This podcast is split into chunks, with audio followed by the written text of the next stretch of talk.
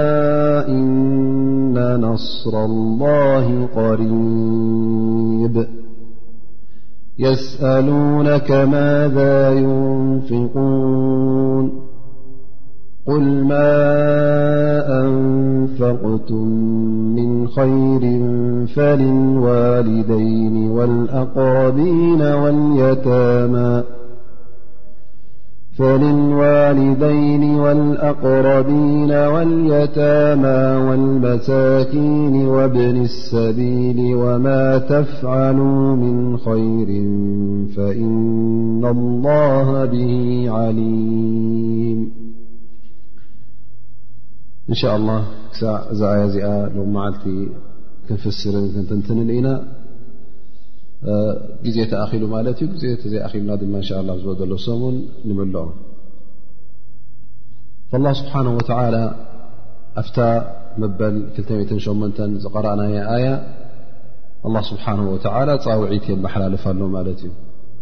እዚ ፃውዒት እዙይ ንመን እዩ ነቶም ዝኣመኑ ነቶም መገዲ ኢማን መገዲ ኣላ መገዲ ነቢ ሙሓመድ ለ ላ ለ ወሰለም ተቐቢሎም ብኡ ዝኣመኑ ፃውዒት የመሓላልፈሎም ኣሎ ፈየቁል ላ ስብሓን ወተላ ያ ኣዩሃ ለذነ ኣመኑ እድኹሉ ፊ ስልሚ ካፋ ኣንቱም ብኣይ ሓደነተይ ሓደ ምዃነይ ዝኣመንኩምለይ ብነቢ ሙሓመድ صለ ላ ለ ወሰለም ልኡኽ ምዃኑ ዝኣመንኩም ኣንቱም ሰባት ንዑ ኣብቲ እስልምና ብምሉኡ እተዉ እድኹሉ ፊ ስልም ኣስልም ሁና እንታይ ማለት እዩ ኣልእስላም እድኹሉ ፊ ስልም ኣይ እድኹሉ ፊ ልእስላም ኣብ እስልምና ብምሉኡ ማለት ገለ ካብ እስልምና መሪፅኩም ንዓኹም ዝሰማማዕ ንዓኹም ኣብ ኣዱንያ ጥራይ ዝጠቕመኩም ንዓይ ኣነ ክእለ ኣነ እዚ ደስ ኢሉ ንኸይበልካ ኩሉ ትእዛዝ ኣላ ስብሓን ወተላ ዝመፀካ ትእዛዝ ነቢና ሙሓመድ ለ ላ ለ ወሰለም ዝመፅካ ኩሉ ብሓፈሽኡ ተቐበሎ ናተይ ኢልካ ሓዞ ኣብ ኩሉ ትእዛዝ ኣ ትሕቲ ትእዛዝ ነቢና ሙሓመድን ትእዛዝ ኣላ ስብሓን ወተላ ብቅድሚኡ እውን ኣብ ትሕቲኡ ክትከውን ኣለካ ማለት እዩ ስለዚ ሸርዒ እስልምና ኩሉ ምንም ከይገደፍኩም ነዝን ነትን ከይበልኩም ብዊንታኹም ከይመረፅኩም ማለት ዊን ዝበለካ ደስ ዝበለካ ካብቲ ናይ ሸርዒ ተወሲድካ ደስ ዘይብለካን ዊን ዘይብለካን ንኡ ክትሰግርን ንዕኡ ክትግህስን ኣብዚ ከይበፃሕካ እንታይ ኢ ክትገብር ኣለካ ማለት እዩ ቀጢልካ ኩሉ ነቲ ትእዛዝ ኣላ ስብሓን ወተዓላ ክትሕዞ ኣለካ እዚ ብዝያደ ኣላ ስብሓን ወተዓላ ዘረጋገፆ ድማ ይብሉ ዑለማ ገሊኦም ኣብቲ ግዜ ነቢና ሙሓመድ ለ ላ ለ ወሰለም ካብቶም ኣህልልክታብ ማለት ካብቶም ኣይሁዳውያን ኣብ መዲና ዝነበሩ ካብቲ ዝነበርዎ ዲን ማለት ናይ ኣይሁዳውያን እስልምና መሪፆም ማለት ኣብ እስልምና ይኣትዉ ማለት እዩ ኣብ እስልምና ኣትዮም ከብቅዑ ገለ ካብኣቶም እቲ ቅድሚ ሕጂ ዝነበረ ክታብ ማለት ተውራት ካብ ኣላ ዝወረደ እንድዩ ክታብ ላ ስብሓን ወተላ እንድዩ እሱ እውን እንተንበብናዮን ብኡ ከምቲ ቅድሚ ሕጂ ፀሎት ንገብሮ ዝነበርና ፀሎት ተገበርናሉን እንተንበብናዮን ኣጅሪ ኣለዎ ኸውን ገሌ ኢሎም እዚ ሓሳብ ስለ ዝነበሮም እወረ ገሊኦም ነቢና ሙሓመድ صለ ላه ለ ወሰለም እውን ከምዝን ከምዝን ኢሎም ዝጠቐሱሉ ነይሮም ላ ስብሓን ወተላ ነዞም ሰባት እዚኦም ብዝያዳ የረጋግፀሎም ኣሎ ማለት እዩ እድኩሉ ፊ ስልሚ ካፋ ነቲ እስልምና መሪፅኩም ዲኹም ኣብ እስልምና ኣቲኹም እንዲኹም እሞ ንድሕሪት ኣይትመለሱ ኩሉ ነቲ እስልምና ኣ ቀጥ ኣቢልኩም ሓዝዎ እቲ ተውራት ክትኣምሉ እተ ኮይንኩም ድማ ከም ካብ ኣላ ስብሓን ወተላ ዝወረደ ክታብ እመነሉ ኣለዎ እቲ ኣብኡ ዝነበረ ቃላት ን ቃላት ኣላ ምኳኑ እቲ ቀንዲ ካብ ኣላ ስብሓ ወላ ዝወረደ እቲ ባዕሎም ብኢዶም ዘእተዎ ዘይኮነ እቲ ቀንዲ ቃላት ኣላ ስብሓ ወላ ብሓፈሽኡ ኩላህና ንኣምነሉ ኢና ዝኾነ ይኹን ኣስላማይ እውን ተውራት እንጂል እቲ ኣብ ነቢና ሙሳን ኣብ ነቢና ዒሳን ዓለ ሰላም ዝወረዘ ክታብ ካብ ኣላ ስብሓ ወላ ምኳኑ ቃል ኣላ ስብሓ ወላ ዝሓዘለ መፅሓፍን ክታብን ከም ምኳኑ ክንኣምን ኢና ብሓፈሽኡ ክንኣምን ይግብኣና እዩ ብሓፈሽኡ እውን ንኣምነሉ ማለት እዩ ግን እዚ ክታብ እዚ በቲ ክታብ ቁርን ስለ እተሰረዘ በትኡ ዘሎ ቃላት በኡ ዘሎ ትእዛዛት በኡ ዘሎ ሸሪዓ በኡ ዘሎ ቀይድታት ክትቅየድ ኣይትሕተትን ኢኻ ትኡ ዘሎ ኩሉ ስሩዝ እዩ ዝሕሰብ እንተ ደኣ ምስቲ ዲንካ ውን ዝሰማማዕ ቃላት ኣሎ ኮይኑ ወይ ከዓ ትእዛዛት ኣሎ ኮይኑ ኣብቲ እስልምና ወይ ከዓ ኣብቲ ክታብ ቁርን ወሪዱ ኮይኑ ኢኻ ትኽተሎ ዘለኻ ዳኣ እምበር ቅድሚ ሕጂ ነይሩ ኢልካ ይኮንካ ትኽተሎ ዘለኻ ስለዚ እቲ ቐንዲ ሕጂ ቀጥ ኢልካ ክትሕዞ ዘለካ ቀጥ ኣቢልካ ክትሕዞ ዘለካ ኣየና እዩ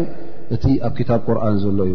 እወ እቲ ቅድሚ ሕጂ ዝነበረ ክታብ እቲ ካብ ኣላ ስብሓን ወተላ ይወረድ ዳኣ እምበር ብሓፈሽኡ ክእመኖ ኣለዎ ግን ካብ ኣላ ወሪዱ እዩ እሞ ገለገለ ካብኡ እንተ ምስ እስኻ ደስ ዝብለካ ኮይኑ ወይ ውን ካብ ኣላ ስብሓን ወተላ ወሪዱ ኢልካ ብኡ ኣብ ግብሪ ከተውዕሎ ብኡ ጌርካ ዕባዳ ክትገብር ብኡ ጌርካ ኣምልኾት ክትገብር እዚ ነገር እዚ ኣይፍቀድን እዩ ሊክ ኣላ ስብሓን ወተላ ነዞም ሙእምኒን ነቶም ኢማን መገዲ ኢማን ዝመረፁ እድኹሉ ፊ ስልሚ ካፋ ኣብቲ እስልምና ብምልኡ ብሓፈሽኡ ነትነትን ከይበልኩም እተው እቲ ነቢና ሙሓመድ ለ ላ ለ ወሰለም ሒዝዎ ዝመፀ ክታብ ቁርን እሱ ዝብለኩም ዘሎ ትእዛዛት ሱና ተኸተልዎ ካብቲ ዝበለኩም እውን ፈፂምኩም ገለ ገለን ኣይትግደፉ እንታይ ደኣ ንኹሉ ቕጥ ኣቢልኩም ሓዝዎ ثመ የقል ላ ስብሓን ወተላ ወላ ተተቢዑ خጡዋት ሸይጣን ከምኡ ውን ኣሰር ሸይጣን ኣይትከተሉ ምኽንያቱ ካብቲ ክታብ ኣላ ስብሓን ወተላ ዘውፃካን ካብቲ መገዲ ሓቂ ዘርሐቐካን መን ይኹሉ ግዜ ሸይጣን ስለ ዝኾነ እሞ የጠንቅቐና ኣሎ ኣላ ስብሓን ወተዓላ መገዲ ሸይጣን ከይንኽተል ደድሕሪ ሸይጣን ኣሰር ሸይጣን ተኸትልና እውን ነቲ ኣላ ስብሓን ወተዓላ ዝኣዘዘና ረሲዕና ኣላ ስብሓን ወተዓላ ዘይኣዘዞ ባዕልና ምሂዝና ይኹን ወይ እውን ከም ሓድሽ ኣብዲን ከነእቱ ይኹን ወይ ከዓ ማዕስያ ኣላ ስብሓን ወተዓላ ዘይፈትዎ ኣላ ስብሓን ወተዓላ ዘይኣዘዞ ማዕስያ ክንገብር እውን እዚ ኩሉ ካብኡ ክንጥንቀቕ ኣለና እዚ ኩሉ እንታይ ዝሕሰብ ክጡዋት ሸይጣን ሸይጣን ከጋጌካ እንተ ኮይኑ ብዙሕ ዓይነት መጋገይ ኣለዎ ሓዲኡ ወይ ማዕስያ ማለት ካብቲ ኣላ ስብሓን ወላ ዝኣዘካ ትእዛዛት ካብኡ ክርሓቐካ ኣይምእዘዝን የልካ ማዕስያ ክትፍፅም ጌጋ ክትፍፅም ወንጀል ክትፍፅም ገበን ክትፍፅም ማለት እዩ እዚ ሓደ እዩ ወይ እውን ሓደሓደ ግዜ እንተ ኣስኻስ ብዝያዳ በቲ ዲን ኣጥቢቕካ ትሕዛለኻ እተ ኮይንካ ተመሱካ ኣለካ ኣብ ማዕስያ ድማ እተ ክራኸበልካ ዘይከኣለ ናበይ ይኸይድ ካልእ መንገዲ ድማ ይፍትን ማለት እዩ ኣበይ ኣእቱ ኣብቲ ናይ ቢድዓ ኣብቲ ናይ ሕደሳ ኣብቲ ናይ ምህዞ ሓድሽ ናይ ዲን ኢልካ እዚ ጠቅም እዩ እዚ ኣጅር ኣለወልካ ክትገብር ብዝያዳ እዚ ሕጂ ካበይ ካ ተበጊስካ ትገብሮ ዘለኻ ትንያኻ እንታይ እዩ ትንያኻ ንኸይር እዩ ዘሎ ዝያደ ኣጅሪ ንክትረክብ ዝያደ ኣጅሪ ንክትድልብ ረቢ ንክፈትወልካ ነቢና ሙሓመድ ለ ላ ወሰለም ንክረድዩልካ ኢልካ ባዕልኻ ሓድሽ ነገራት ተመፅእ ነቢና ሓመድ ስ ሰለ ዘይበልዎን ዘይገበርዎን ኣላ ስብሓን ወላ ዘይኣዘዘካን እቶም ኣስሓብ ነቢ ቶም ብፆት ነቢ ለ ለ ሰለም ዘይገበርዎን ዘይበልዎን ሓድሽ ነገር ባዕልኻ ምሂዝካ ክተምፅእ ከለኻ ሕጂ እዚ እስኻ እንታይ መስለካ ዘሎ ር ትገብር ዘለኻ ሰናይ ትገብር ዘለኻ መስለካ ሸጣን ድማ ሕ ንዓ ክታልል እወ ርኻ ትገብር ዘለኻ እንታይ ኣለዎ ሞኒ ተወሰኽካሉ ዝያደ ኣጅርካ ትረክብ ናበለ ግደ ድፋፍኣካ ማለት እዩ ነቢ صለ ላه ለ ወሰለም ይብል ከምቲ ሰይድና ዓይሻ ዘመሓላለፈቶ ሓዲት መን ኣሕደث ፊ ኣምርና ሃذ ማ ለይሰ ምንሁ ፈهወ ረድ ሓደ ሰብ እተ ኣብዚ ጉዳይና ማለት ኣብዚ ጉዳይ ዲና ኣብዚ እስልምናና ኣብዚ ሃይማኖትና እንተ ደኣ ኣብኡ ዘየሎ ነገር ባዕሉ ምሂዙ እተ ኣትሉ እዚ ነገር እዚ ናብኡ ይምለስ ማለት ዩ ተቐባልነት የብሉ ኣ ስብሓ ወላ ከም ዲና ይቕበሎ ኣጅሪ ይህበካ እንታይ ብዝያዳ ውን ዘንብን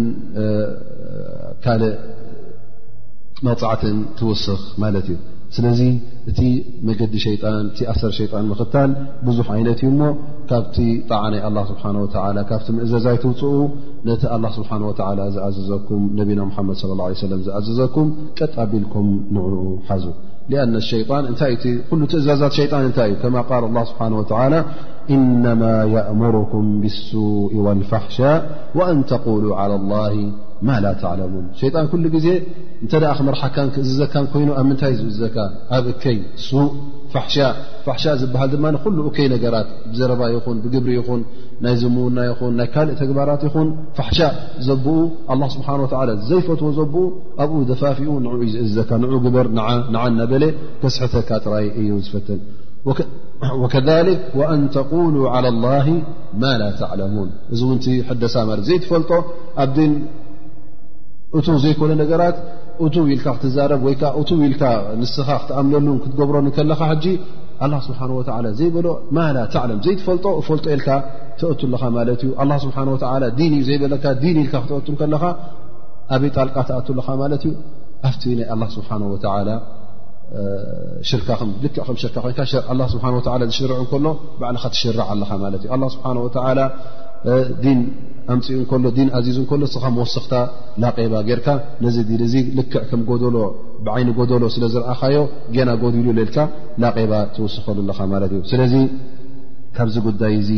ንጠንቀቕ ወሸይጣን ኩሉ ግዜ ናበይ ዝፅዋዓካ ናበይ ገፁ ዩ ዝፅዋዓካ ናብ መገዲ ጀሃንም እዩ ዝፅዋዓካ ኢነማ የድዑ ሒዝበሁ ልየኩኑ ምን ኣስሓብ ሳዒር ሰብ ሓውን ሰብ እሳትን ንክኾኑ ናብኡ ይፀውዖም ናብኡ ዝደፋፍኦም ዕድሜኡ እንታይ እዩ ክዕድመካ እተ ኮይኑ ናብ ራ ይዕድመካን እዩ ክዕድመካ እተ ኮይኑ ንመገዲ እሳት ጀሃንም ንእሳት ጀሃንም ዘእቱ ተግባራት ናብኡ እናዓደመ ናፍታ ሓዊ የጥልቐካ ማለት እዩ ወልዕያዙ ብላ ማ የቁል ላ ስብሓን ወተላ ብዝያዳ ክንጥንቀቕ ማለት እዩ መገዲ ሸይጣን ኣይትከተሉ ኢሉ ምሰጠንቀቐና ኢነሁ ለኩም ዓድው ሙቢን ኣላ ስብሓን ወተዓላ የረጋግፀልካ ኣሎ ብርግፅ እዚ ፍጡር እዙ ንዓኹም ፀላኢ እዩ ኣዝዩ ፀላኢ ጉሉፅ ፀላኢ ብሩህ ፀላኢ ዘየጠራጥር ፀላኢ እነሁ ለኩም ዓድውን ሙቢን ሸይጣን ፀላኢኻ እንተ ኮይኑ እንታይ ክትገብር ኣለካ ክትጥንቀቕ ኣለካ ማለት እዩ ትፈትዎ ሰብ ኢኻ ትቐርቦን ትለግቦን ኣ እበር እተ ፀላኢ ኮይኑ ኩሉ ግዜ ብሓደ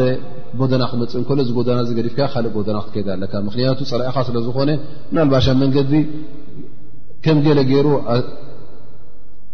ከይተፈለጥካ ከሎ ክሃርምካ ቀትለካ ዝኽእል ስለዝኾነ ድ መገዲ ፀላኢኻ መፅ ኮይኑ እተ ወላ ውን ብ ወትርድርና እተ ድ ፀላኢ መፅእ ኣሎ ወይ ስኻ ዲፍዕ ሒዝካ ትፀንሖ ኣለካ ወይ ከዓ እቲ መንገዲ ክተልግሶ ኣለካ ካልእ መንገዲ ትወስድ ማለት እዩ ምክንያቱ ትቃተሉ ኢኹም ማለት እዩ ስለዚ ሸይጣን እውን ከምኡ ልክዕ ከም ፀላኢኻ ክትሪኦ ኣለካ በታ ትኸዳ ዘለካ መንገዲ ፊትካ መፅእ ኣሎ ኮይኑ እተ ክእለት ኣለካ ኮይኑ በዓል ኢማን እተ ኮንካ ክትዋግኦ ክትምልሰሉ ትኽእል እተ ኮንካ ሰጥኢልካ ደው ኢልካ ትፀንሖ ማለት እዩ እንተ ፍርህ ኣለካ ኮይኑ ድማ ንስኻ ዕልሚ የብልካ ክእለት ዘይብልካ እተ ኮይኑ እውን እንታይ ትገብር ማለት እዩ ኣብ መንገዲ ትፀንሖን ኢኻ ኣላገሳ ቢልካ ትኸይድ ማለት እዩ ስለዚ ምስ ሸይጣን እውን ክትራኸብካ እዚ እውን ፀላኢኻ ስለዝኾነ ኣሰሮ እውን ክትክተል የብልካ ምኽንያቱ እዚ ፍጡር እዚ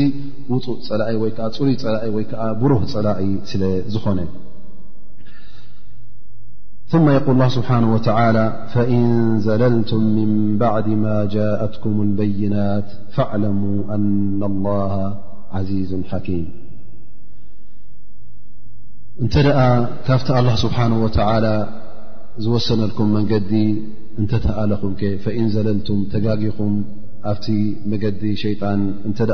ኣትኹም እንተ ተኣሊኹም ከ እዚ ኸዓ ድሕሪ ዚ ኹሉ መብራህቲ ምሃብና ድሕሪ ዚ ኹሉ ክታብ ምውራድና ድሕሪ ዚ ኹሉ ነቢ ምልኣኽና እቲ ሓቂ በሪህልኩም እንከሎ በይናት ዋضሓት ብሩህ ሓቂ መርትዖታት ኩሉ ኣብርህናልኩም እንከልና ብድሕሪ ዚ ኹሉ እንተ ደኣ ካብ መገዲ ተኣሊኹም እሞ ከዓ ሸተት ኢልኩም ንመገዲ ሸይጣን ከትኩም ካብዚ መንገዲ ሓቂ ወፂእኩም ፈዕለሙ ኣና ላሃ ዓዚዙ ሓኪም እቲ ቐንዲ ነገር ክትፈጥርዎ ዘለኩም ኣቱም ፍጡራተይ ኣንቱም ባሮተይ ኣንቱም ሙእምኒን ተባሂልኩም ዘለኹም ኣና ላሃ ስብሓን ወተላ ዓዚዝ ኣላ ስብሓን ወተላ ብጣዕሚ ኣዝዩ ዕዙዝ እዩ ፍፁም ዕዙዝ ምንም ዝስዕሮ ዘየለ ፍፁም ሰዓሪ ማለት እዩ ላ ስብሓን ወተላ ለሁ ልዕዛ ወለሁ ልቁዋ እሱ ፍጹም ሓያል ካብኡ ውን ክትሃድም ዘይትኽእል ንዕኡ ዝስዕር ፈጺሙ ዘየለ ዝኾነ ኣላ ስብሓን ወተላ ከም ምዃኑ ክትፈልጡ ኣለኩም ከምኡ ውን ኣላ ስብሓን ወተላ ሓኪም ሓኪም ማለት ከዓ ብቲ ዝቐረበታት ን ጥበበኛ ማለት እዩ ላ ስብሓን ወተላ ሓኪሙ ፊ ኩል ሸ ኣብ ኩሉ ጉዳያት ኣላ ስብሓን ወተላ ሓኪም እዩ ሓኪሙ ፊ ኣፍዓል ሓኪሙ ፊ ኣቅዋል ኣብ ኩሉ ኣብ ቃላቱ ይኹን ኣብ ተግባራቱ ጥበበኛ እዩ ማለት ነቲ ጉዳይ ፍርዲ ክህቦ እተ ኮይኑ ውሳነ ክህቦ እተ ኮይኑ ነናቱ ውሳነ ነናቱ ፍርዲ እዩ ዝህብ ማለት እዩ ፈፂሙ ኣይጋገይን እዩ ንሰብ ዝጠቅምን ነቲ ንዓኻ ኣብ ኣዱንያኻ ዝጠቕመካን ኣብ ኣኼራኻ ዝጠቕመካን ንፍጡር ዝጠቅምን እዚ ኩሉ ትእዛዛት ዘመሓላልፎ ዘሎ እቲ ኩሉ ውሳኔታት ዝሃበካ ንዓኻ ዝጠቃምን ንዓኻ ፋይዳ ከም ምዃኑ ክትርስዕ የብልካ ማለት እዩ ስብሓን ወተዓላ ትእዛዝ ከመሓላለፍ ከሎ እዚ ትእዛዝ እዚ ብጥበብ ይመሓላልፎ ብሕክማ እናፈለጠ ንዓኻ ጠቓሚ ከም ምኳኑ እዩ ኣመሓላልፎ ዳኣ እምበር ጌጋ ኣይኮነን ስለዚ ትእዛዝ ኣላ ስብሓን ወተዓላ ተማእዚዝካ ቀጥ ኣቢልካ ነዚ ዲን እዚ ሕዝካ ክትከይድ ከለኻ ፍለጥ እዚ ጉዳይ እዚ ንዓኻ ጠቓሚ ከም ምኳኑ ኣላ ስብሓን ወተዓላ ክእዘካ ከሎ ፀወት ኣይኮነን ይኸውን ኢሉ ዝገበሮ ጉዳይ ኣይኮነን እንታይ ደኣ ብሕክማ ብፍልጠት ብክእለት ዝገበሮ እዩ እዚ ካብ ኮነ ኣላ ስብሓን ወተላ ዓዚዝ ካብ ኮነ ሓኪም ካብ ኮነ እንታይ ማለት እዩ ዝገበርካ እተገበርካ እንተተጋገኻ ፅባሕ ንግሆ ኣላ ስብሓን ወተላ በቲ ሕክማናቱን በቲ ፍርድናቱን በቲ ውሳነናቱን ንዓኻ ክቐፅዓካ እዩ ካብኡ ውን ክትሃድም ኣይትኽእልን ኢኻ ምኽንያቱ ኣላ ስብሓን ወተላ ፍፁም ዕዙዝ ፍፁም ሓያል እዩ ንዕኡውን ዝስዕሮ የለን ካብኡውን ዝሃድም የለን እሞ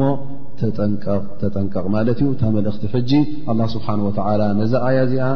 ክድምድማ እንከሎ ፈዕለሙ ኣና ላሃ ዓዚዙን ሓኪም ክብለካ እንከሎ ተጠንቀቕ ካብ ኢድ ኣላ ስብሓን ወላ ከተምልጥ ኣይትኽእልን ኢኻ መገዲ ሸይጣን እንተ ደኣ መሪፅካ ተጠንቀቕ ኣላ ስብሓን ወተላ ካብቲ ሸይጣን ንሱ ይሕይል ካባኻ ንሱ ይሕይል ካብ ሙሉእ ዓለም ካብ ሙሉእ ፍጡሩ እሱ ስለ ዝፈጠሮ ንሱ ዩ ትዝሓያል ካብ ፍጥረቱ ካብ ኩሉ ዱንያ ኹን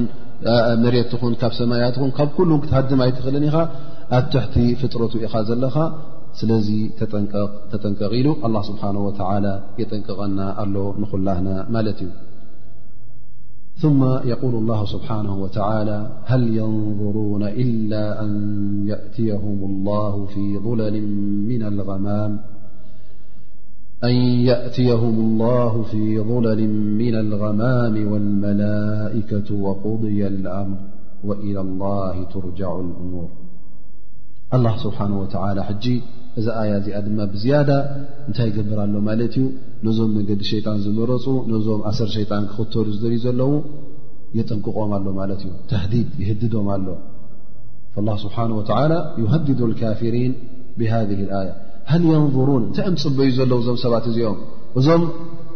መገዲ ሓቂ ንዑ ኣብ እስልምና እተዉ እናተባህሉ ከለዉ እሞ ኣሰር ሸጣ ኢና ንኽተል መገዲ ሸጣ ኢና ንኽተል ኢሎም ብኣላህን ብነቢና ሙሓመድን ለ ላ ለ ወሰለም ክሒዶም ዘለዉ እንታይ እዮም ፅበዩ ዘለዉ ሃል የንظሩና ኢላ ኣን የእትየሁም ላሁ ፊ ظለል ምና ልغማም ማለት ዮም ልቅያማ ድም ፅበዩ ዘለዉ ሽዑ ድኦም ክኣምኑ ዝሓስቡ ዘለዉ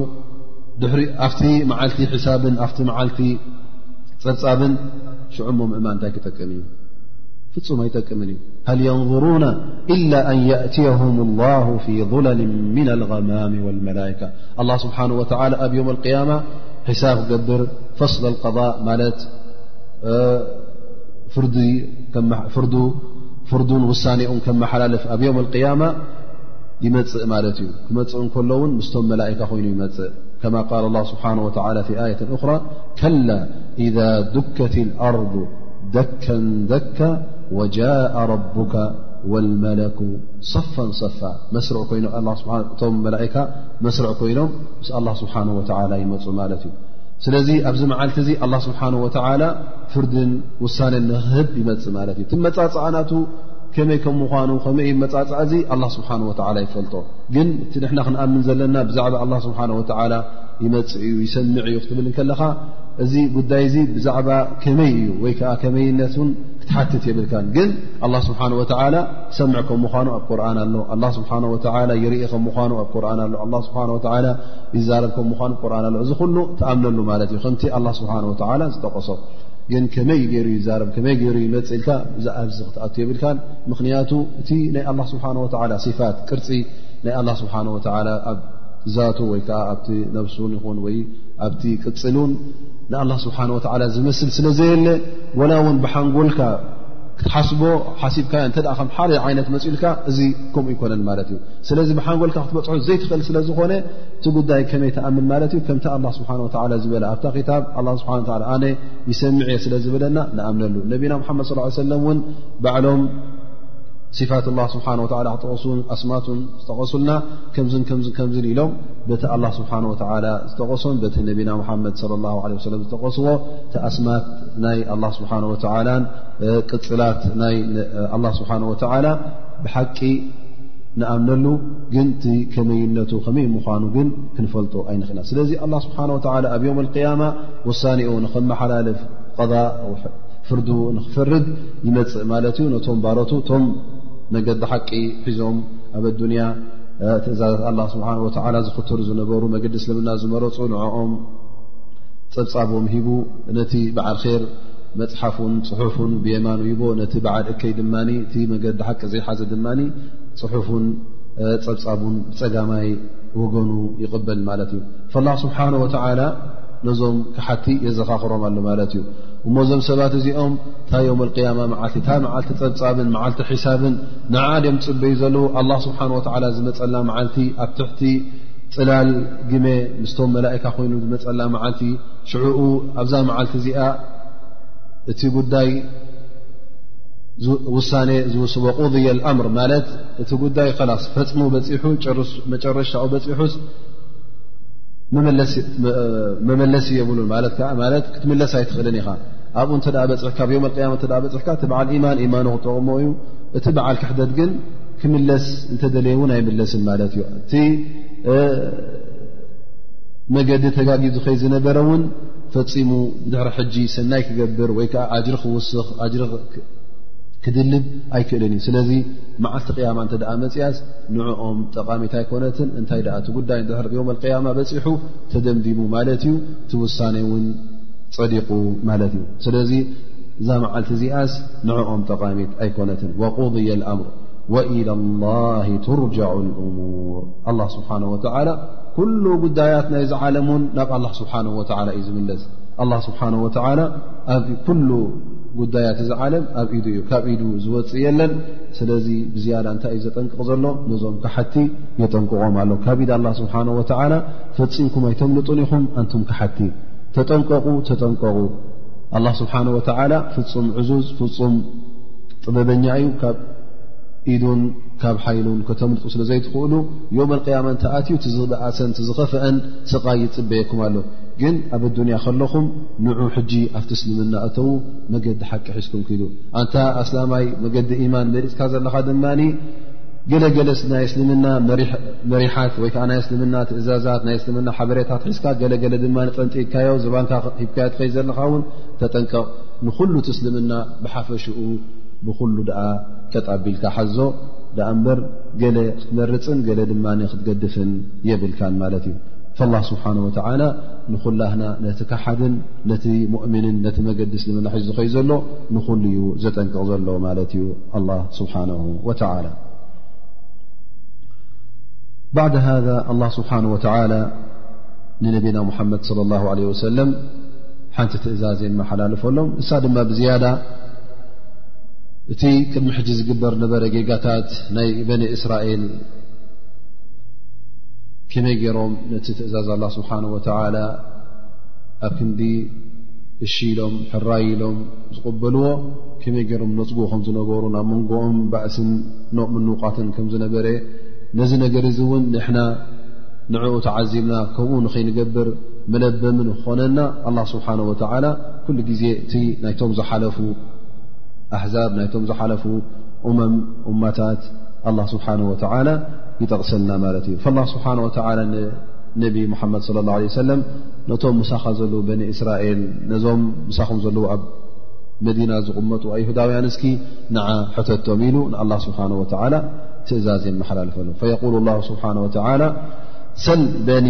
እስራኢል ከም ኣተይናሁም ምን ኣየት በይና እዞም ኣይሁዳውያን ምሳኻ ዘለዉ ያ ሙሓመድ እዞም ኣብ መዲና ዝቕመጡ በኒ እስራኤል ንዓስኪ ሕተቶም ኣንታ ሙሓመድ ኢሉ ኣላ ስብሓን ወተላ ትእዛዝ የመሓላለፍ ማለት እዩ ከም ኣተይናሁም ምን ኣየት በይና ክንደይ ኢና ኣያታት ማለት ምልክታት ወይ ከዓ ተኣምራት እዚ ተኣምራት እዚ ድማ ቁፅሪ ዘይብሉ ብዙሕ እዩ ነይሩ ስለዚ ላ ስብሓ ላ ከም ኣተይናሁም ምን ኣየት በይና እስኪ ሕተቶም ክሳዕ ክንደይ እዩ እቲ ተኣምር ተዋሂቦሞ ዝነበሩ እቲ ኣየትን በይና ብሩህ ዝኾነ ተኣምርን ብሩህ ዝኾነ መርትዖን ነዞም ሰባት እዚኦም ክሳዕ ክንደይ ወሪድዎም ከም ዝነበረስ እስኪ ሕተቶም ከምቲ ኣብ ቁርን ዝተጠቐሰልና ድማ ወላ እውን ኣብቲ ብሉይ ኪዳን ኣብቲ መፅሓፍ ቅዱሶም እውን ዘሎ ማለት እዩ ነብላ ሙሳ ክሳዕ ክንደይ ተኣምራት ከም ዘርኣዮም በትሩ ተመን ወይ ትቕየር ከም ዝነበረት ኢዱ ፃዕዳ ኮይና ትቕየር ከም ዝነበረት ኣላ ስብሓን ወተላ ጸላኢኦም ፍርዖን ምስ ሰራዊቱ መጺኡ ክርከቦም ምስ ሓሰበ ሙዕጅዛ ኮይኑ ኣላ ስብሓን ወተላ ባሕሪ ኣብ ክልተ መቒሉ ብማእከል ባሕሪ ጨዲዶም ክሓልፉ ከም ዝኽእሉ ኣላ ስብሓን ወተላ እዚ ጉዳይ እዚ ገይሩሎም ከምኡ እውን ኣብቲ በረኻ እንከለዉ ጌና ዓዲ ከይኣተዉ እንከለዉ ማይ ምስ ፀምኡ ነብላ ሙሳ በትሩ ገይሩ እምኒ ምስ ወቕዐ ብእዝኒ ላ ስብሓ ወ ፍቓድ ኣላ ኮይኑ ካብቲ እምኒ ማይ ንኽሰትዩ ማይ ፈልፊልሎም ኣብ ርእሲኡ ፀሓይ ምስ በርትዖም እውን ኣላ ስብሓ ወላ ብግመ ገይሩ ኣፅሊልሎም ኣብ ርእሲኡ ብልዒ ምስ ደለዩ ጥሜት ምስ ኮነ እውን ኣላ ስብሓ ወ መን ወሰልዋ ዝበሃል ድማ ብልዕታት ካብ ሰማይ ካብ ጀና ኣውሪድሎም ማለት እዩ እዚ ኩሉ ኣያታት እዚ ሉ ተኣምራት እዚ ሉ ብሩህ ዝኾነ መርትዖታት ከም ዝወረዶም እስኪ ሕተቶም ኢሉ ኣላ ስብሓን ወተዓላ ንነቢና ሙሓመድ ለ ላ ለ ወሰለም ይሕብሮ ማለት እዩ እዚ ድማ ስለምንታይ እዩ እቲ ቅድሚ ሕጂ እቶም በኒ እስራኤል ክሳዕ ክንደይ ተኣምራት ክሳዕ ክንደይ ኣያ ክሳዕ ክንደይ ሙዕጂዛ ርኦም ነይሮም እሞኒ እዚ ኩሉ ተረኺቡ እንከሎ ድማ እዚ ኩሉ ርኦም እንከለዉ ኣብ ክንዲ መገዲ ኣላ ስብሓን ወተዓላ ሒዞም ዝኸዱ እንታይ ይገብሩ ነይሮም ዝባኖም ሂቦም ንሙሳ ክኽሕዱን ኣብ ክንዲ መገዲ ሓቂ ሒዞም ዝኸዱ ቁሩብ ሙሳ ካብኦም ርሕቕ ምስ በለ እንታይ ክገብሩ ጀሚሮም ምስሊ ክሰርሑ ምራኽ ትመስል ምስሊ ሰሪሖም ንዓኣ ክሰግዱላ ጀሚሮም ወረግ እውን ምስኡ እንከለዉ ያ ሙሳ እጅዓል ለና ኣሊሃተ ከማ ለሁም ኣሊሃ ልክዕ ከምቶም ካልኦት ሰባት ምስልን ስእልን ገይሮም ዝሰግዱ ዘለዉ ንዓና ውን ከምኦም ግበረልና ኢሎም ኣብቲ ሽርክ ኣብቲ ማዕስያ ንክኣትዉ ኣብቲ ኣላ ስብሓን ወላ ዘይፈትዎ ናብኡ ይጓዩ ነይሮም እዚ ኩሉ ኣላ ስብሓን ወተላ እናርኣዮ እዞም ሰባት እንታይ እዮም ገይሮም ማለት እዩ ከምቲ ኣላ ስብሓን ወተላ ዝበሎ ኣብዛ ኣያ እዚኣ ሰል በኒ እስራኤላ ከም ኣተይናም ምን ኣየት በይና እዚ ኩሉ ርእናዮም ከለና እዚ ኩሉ ብሩህ መርትዖታት ኣርእናዮም ከለና እንታይ እዮም ገይሮም ነቲ ኣላ ስብሓን ወተላ ዝሃቦም መገዲ ሓቂ ገዲፎም ንናይ መሪፆም ነቲ መገዲ ክሕደት ላ ስብሓን ወላ እንታይ ይብል ወመን ዩበድል ኒዕመት ላ ምን ባዕድ ማ ጃእት ፈኢና ላ ሸዲድ ዕቃብ እቲ ዝዓበየ ፀጋ እንታይ እዩ ያክዋና ዛዕበየ ፀጋ መገዲ ኢማን መገዲ ሓቂ ሒዝካ ክትከይድ ከለኻ እዚኦም ግን ነቲ መገዲ ሓቂ ነቲ ኒዕመ ላ ስብሓ ወ ዝሃቦም ነቲ ፀጋ ላ ስብሓ ወ ዝሃቦም ነዚ ሽሻይ እዚ ረጊፆም እንታይ ይቕይርዎም ማለት እዩ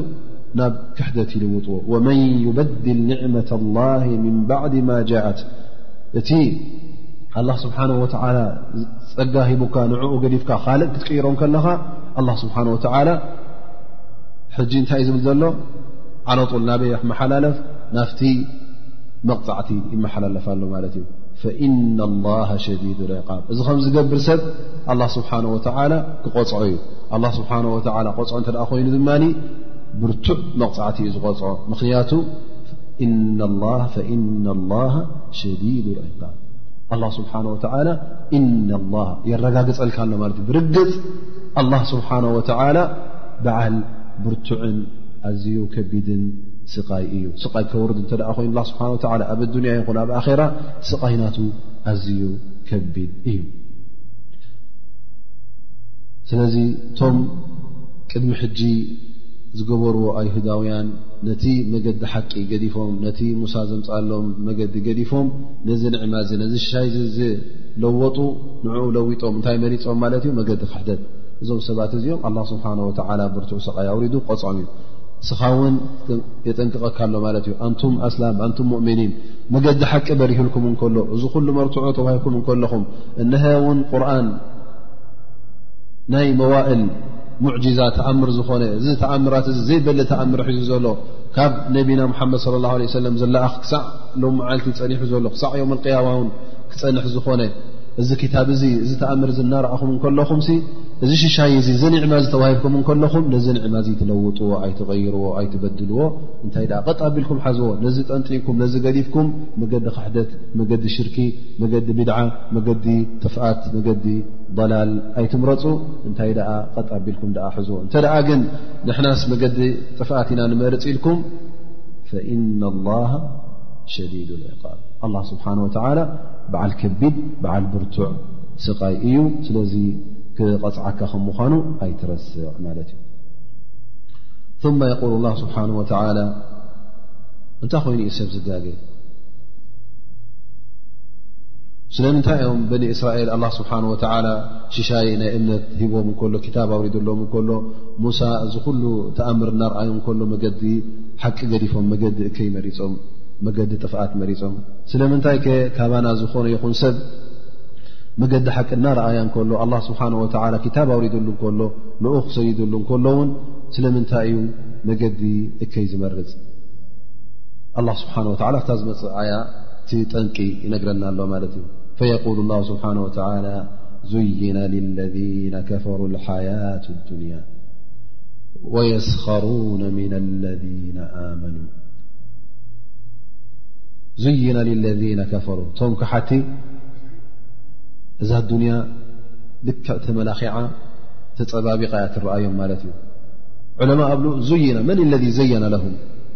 ከር ን ዑለማ ኣብሉ ዘየናልም ላ ስብሓ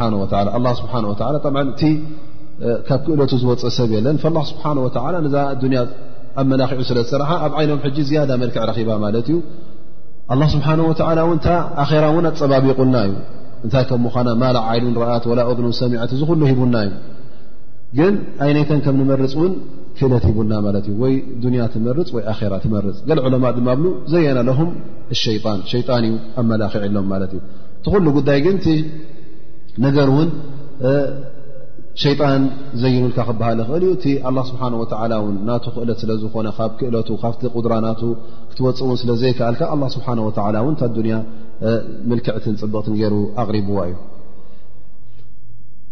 ግን ናይ ናይ ተፈላለዮ ማለት እቲ ምርጫኻ እዩ እታ መገዲ ሸይጣን ትመርፅ ድማ ናይ ኣዱንያ ምኳና ኣዱንያ ድማ ኩሉ ግዜ ኣበይ ኣትስሕበካ ኩሉ ግዜ ኣብቲ ስሕተትን ኣብቲ ጌጋን ፈየቁል ላ ስብሓን ወተላ ዙይነ ልለذና ከፈሩ ነቶም ካሓቲ እዛ ኣዱንያ ተመላኺዓ እያ ትረኣዮም ፅብቕቲ ኮይነ እያ ትረኣዮም ስለዚ ኩሉ ግዜ ናብኣ ጥራይ ይሓስቡ ኩሉ ግዜ ንዓኣ ጥራይ ይሓስቡ ደስታን ሽሻይን ኩሉ ኣብ ኣዱንያ ጥራይ ዘሎ መሲልዎም ምስዛ ኣዱንያ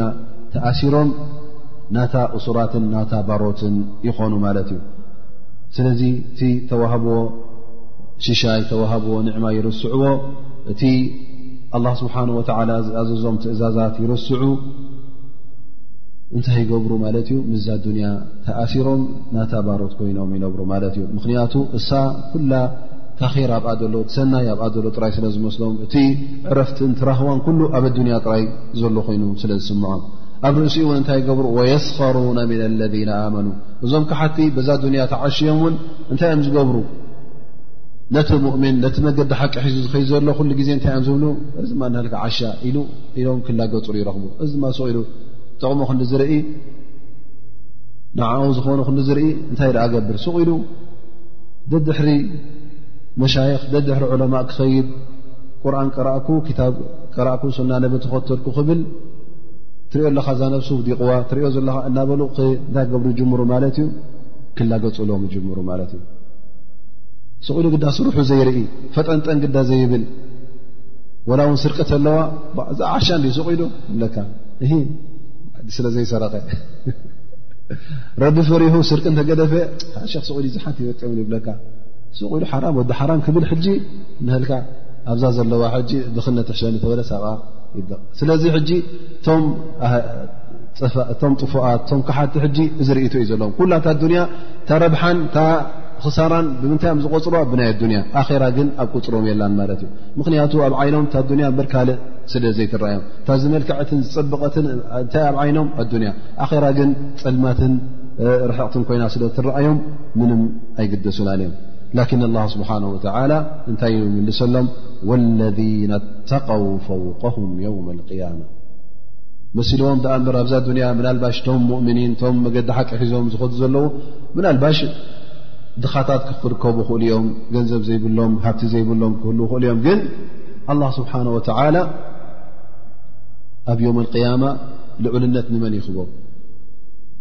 ነቶም ሙተቒን ነቶም መገዲ ሓቂ ሒዞም ዝኸዱ ወለذ ተቀው እቶም ኣብ ኣዱንያ ፍርሃት ረቢ ዝነበሮም እቶም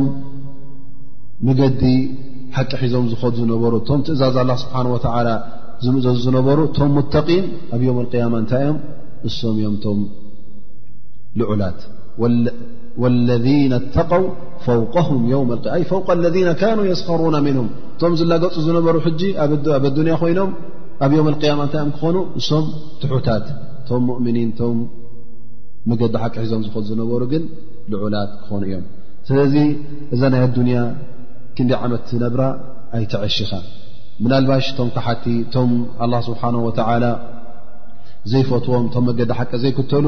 ካባኻ ዝሓሸ ናብራን ካባኻ ዝሓሸ ገንዘብን ካባኻ ዝሓሸ ገዛን ካባኻ ካብ ሰበይትኻ ትበልፅ ሰበይትን ይረኽቡ ኾኑ ግን እዚ ኩሉ ኣይዐሽኻ ምኽንያቱ እንተ ነውሐ ዓ 2 ላ ዓመት እንተኾነ እስኻ እንተ መገዲ ሓቂ ሒዝካ ኣለኻ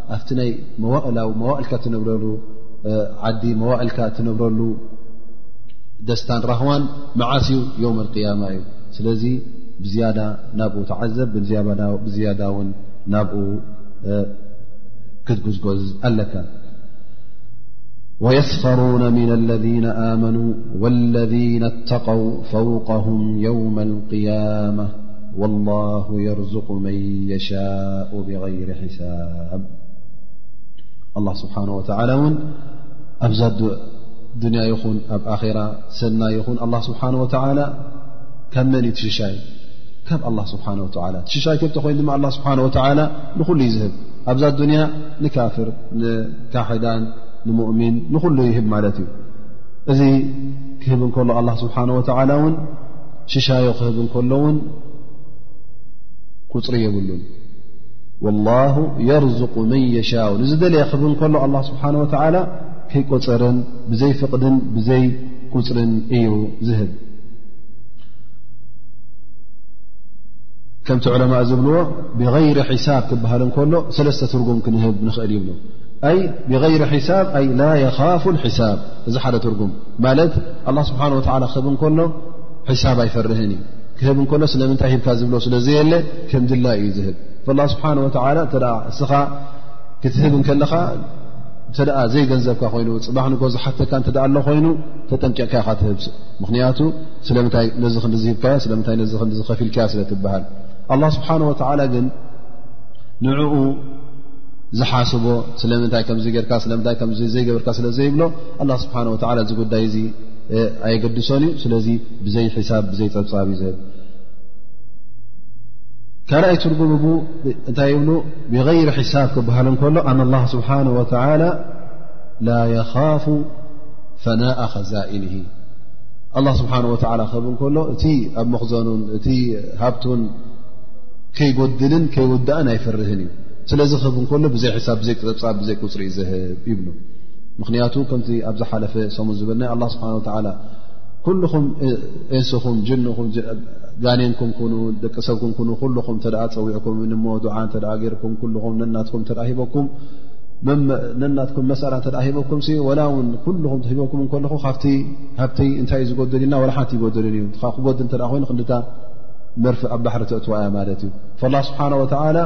ክህብ እንከሎ ትኸዛኢናቱ ትመኻዚናቱ ክጎድልን ወይ ከዓ ክውዳእን ኢሉ ዝብል ፍርሃት የብሉን እዚ እውን ሓደ ትርጉም ይብሉ እታ ሳለሰይቲ ከምታ ዝበልናያ ኣላ ስብሓን ወተዓላ ነቶም ባሮት ክህብ እንከሎ እንተ ክህብ ኮይኑ ኣጅሪ ይኹን ሃብቲ ክህብ እተ ኮይኑ ብዘይ ቁፅሪ እውን ዝህብ ማለት እዩ ኣይቆፅርን እዩ ማለት እዩ ላ ስብሓን ወተላ የርዝቁ መን የሻኡ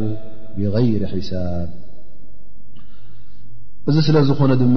እንተ ደኣ ሓደ ሰብ ሊላህ ኢሉ ገንዘብ ከውፅእ እንተ ኮይኑ እንተ ደኣ ምእንቲ ረቢ ኢሉ ነፈቓ ክህብ እንተ ደኣ ኮይኑ ከምቲ ነቢና ሙሓመድ ለ ላሁ ለ ወሰለም ዝበሎ እብና ኣደም ኣንፍቅ እንፍቅ ዓለይክ እዚ ድማ ሓዲ ቅዱሲ ማለት እዩ ኣላ ስብሓን ወተላ ዝበሎ እዩ ብሓዲስ ነቢና ሓመድ ለ ላ ሰለም ዝመፀ እብና ኣደም ኣንፍቅ እንፍቅ ዓለይክ ሃብ ክህበካ እንተ ነዛ ዘለዋኻ ሃብቲ እስር ኣቢልካዮን ዕፁ እተ ኣቢልካዮን ሊላ ሰደቃ ዘይተ እተ ኮይን ኣላ ስብሓን ወላ እውን እታ ርዝቂ እስር የብለልካ ማለት እዩ እንተ ኢንፋቅ ጌርካ ፊ ሰብልላ ሃውፅእካ ድማ ኣላ ስብሓን ወላ ድማ ካባይዶ ዝያዳ ክልግስ ኢሉ ዝያዳ ይልግሰልካ ማለት እዩ ወየል ነቢ ለ ላ ለ ወሰለም ኣንፍቅ ቢላል ንሰይድና ቢላል ክዛረቡ ኣንፍቅ ቢላል ሃብ ያ ቢላል ሃብ ኣንፍቅ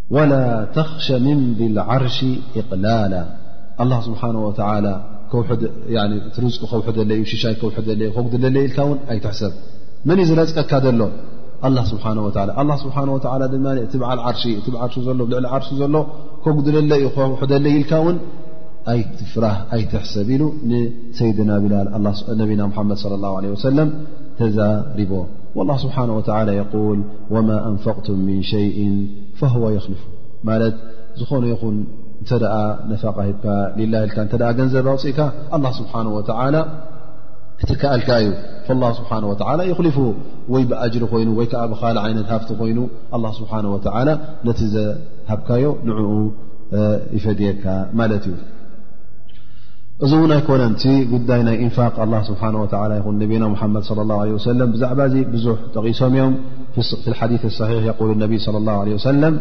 أن ملكين ينزلان من السماء صديحة كل يوم فيقول أحدهما اللهم أعط منفقا خلفا ويقول الآخر اللهم أعط ممسكا تلفا الله سبحانه وتعالى መዓልታዊ ኣለዉ ካብ ሰማይ ዝወርዱ መላካ ማለት ክልተ መላካ ሰብ ን እዚ እውን ገዛርእሶም ቶም መላካ ድዓ ይገብሩልካ ማለት እዩ ኣዕጢ ሙምሲከን ተለፋ እቲ ዘይህብከ እቲ ኢዱ ዝዓትር እቲ ዘይህብ ነዚ ሰብ እዚ ግን ተለፍ ሃቦ ጥፍኣት ሃቦ ኣንዲ እዮ ማለት እዩ ክነዲ ኢሎም ድዓ ይገብሩሉ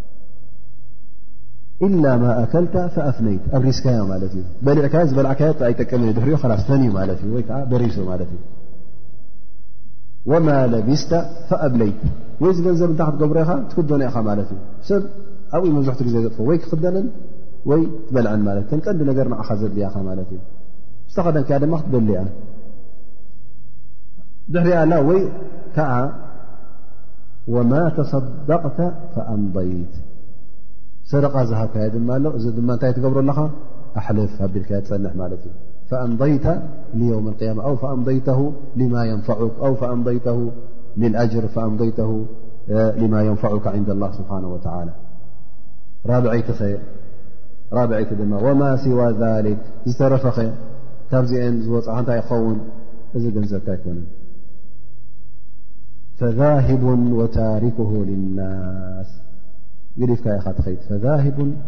ወታሪኩ ንሰብ ገዲፍካ ትኸይድ ማለት እዩ ፈገንዘብካ እማ ገዲፍካዮ ንሰብ ክትከይድ ኢኻ እዚኣ ሓንቲያ ወይ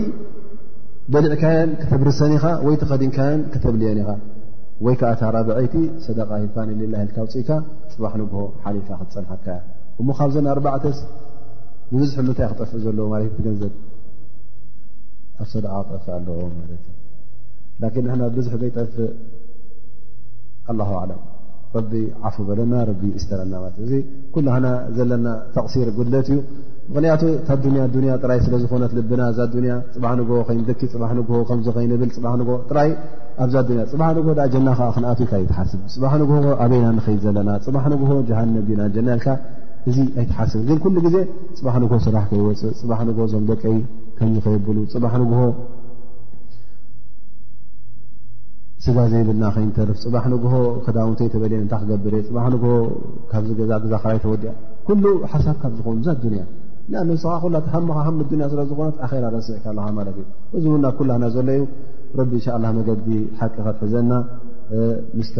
ልብና ድማ ምስታ ናይ ኣኼራን ናይ ዮም ቅያማን ክኸውን ናይ ኩላህናን ትምኒትን ድልትን እዩ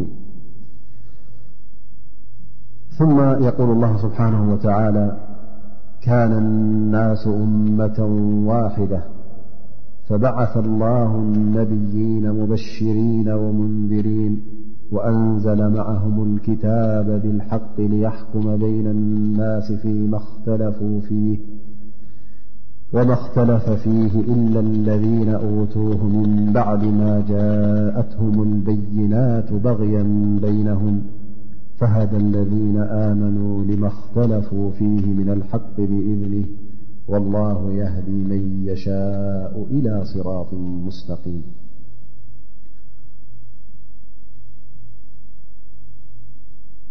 كان الناس أمة واحدة بتسب كنت الله سبحانه وتعالى زبله حنت أمة يهم نيرم مالت ي حنت عينة امنة نيروم ذ دم كنت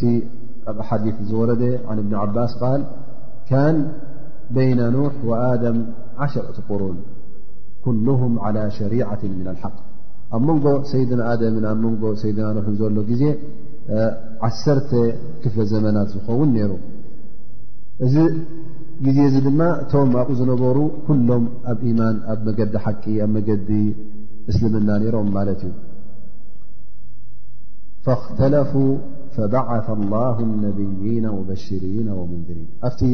ግዜ ነብላ ኖሕ ተላእከሉ ተፈላለዮም ማለት እዩ ገሊኦም መገዲ ሓቂ ሒዞም ኮይዶም ገሊኦም ድማ መገዲ ጌጋ ክሕዙ ጀሚሮም ክሕደት ጀሚሩ ብኣላ ስብሓን ወላ ክሒዶም ኣስላም ስእልን ምስልን ከምልኹ ተጀሚሩ ማለት እዩ ብድሕሪ እዚ ኣላ ስብሓን ወላ ካብ ኖሕ ጀሚሩ ቀዳማይ ልኡኽ ኣላ ስብሓን ወላ ኮይኑ ኖሕ ይልእኽ ማለት እዩ ፈበዓث ላ ስብሓን ወላ ኣነብይን ብድሕሪ እዚ ኣላ ስብሓን ወላ ዛክር ክልእኽ ጀሚሩ ንኣንብያ ክልእኽ ጀሚሩ እዞም ኣንብያ ድማ ካቐንዲ ስርሖም እንታይኣ ሙበሽሪና ወሙንሪን ኩሎም ወይ ነቶም መገዲ ሓቂ ሒዞም ዝኸዱ ነቶም መገዲ ኢማን ሒዞም ዝኸዱ ነቶም ሕራይ ኢሎም መገዲ ሓቂ ተቐበሉ ንዕኦም ክብስሩ ብምንታይ ይብስርዎም ሰናይ ኣዱንያን ሰናይ ኣኼራን ኣብ ኣዱንያ ር ክረኽቡ ከም ምኳኖም ዕረፍትን ራህዋን ክስምዖም ከም ምኳኑ ኣብ ዮም ቅያማ ድማ ብዝያዳ ፍስሃን ደስታን ክረኽቡ ከም ምኳኖም የበስርዎም ማለት እዩ ነቶም ክሓትኸ ነቶም መገዲ ረቢ ዘይሓዙኸ ነዚኦም ድማ ሙንዚሪን መጠንቀቕቲ ማለት እዮም የጠንቅቕዎም እንታይ ኢሎም የጠንቅቕዎም እዞም ሰባት እዚኦም እስኹም ኣንቱም ተጋጊኹም ኣለኹም መገዲ ረቢ ሓዝኩምን ወይ ኣብዛ ዱንያ ከለኹም ካብ ኣላ ስብሓን ወተላ ገለ ቁጣዐ ወሪዱ ንዓኹም ዘሳቒ ስቓይ ክወርድ እዩ ብሞት ይኹን ብዝኾነ ይኹን መቕፃዕቲ ክወርደኩም እዩ ድሕሪኡ እውን ኣብ ዮም ቅያማ ካብኡ ዝኸፈአን ካብኡ ዝበእሰን ስቃይ ኣለኩም ኢሎም ከጠንቅቑ ኣላ ስብሓን ወተላ ልኢኹ ፈልኣንብያ ክልተ ቐንዲ ሓላፍነት ኣለዎኦም ክልተ ነገራት ማለት እዩ ሙበሽሪና ወሙንዝሪን ነቶም ዝኣመኑ መገዲ ሓቂ እናርኣዩ ከለዉ የበስርዎም ነቶም ዝኸሓዱ ድማ የጠንቅቕዎም ማለት እዩ ኣላ ስብሓን ወተላ እዞም ኣንብያ እዚኦም ክልእኹም ከለውን ሽቑ ይልኣኾምን እንታይ ደኣ ብዙሕ ዓይነት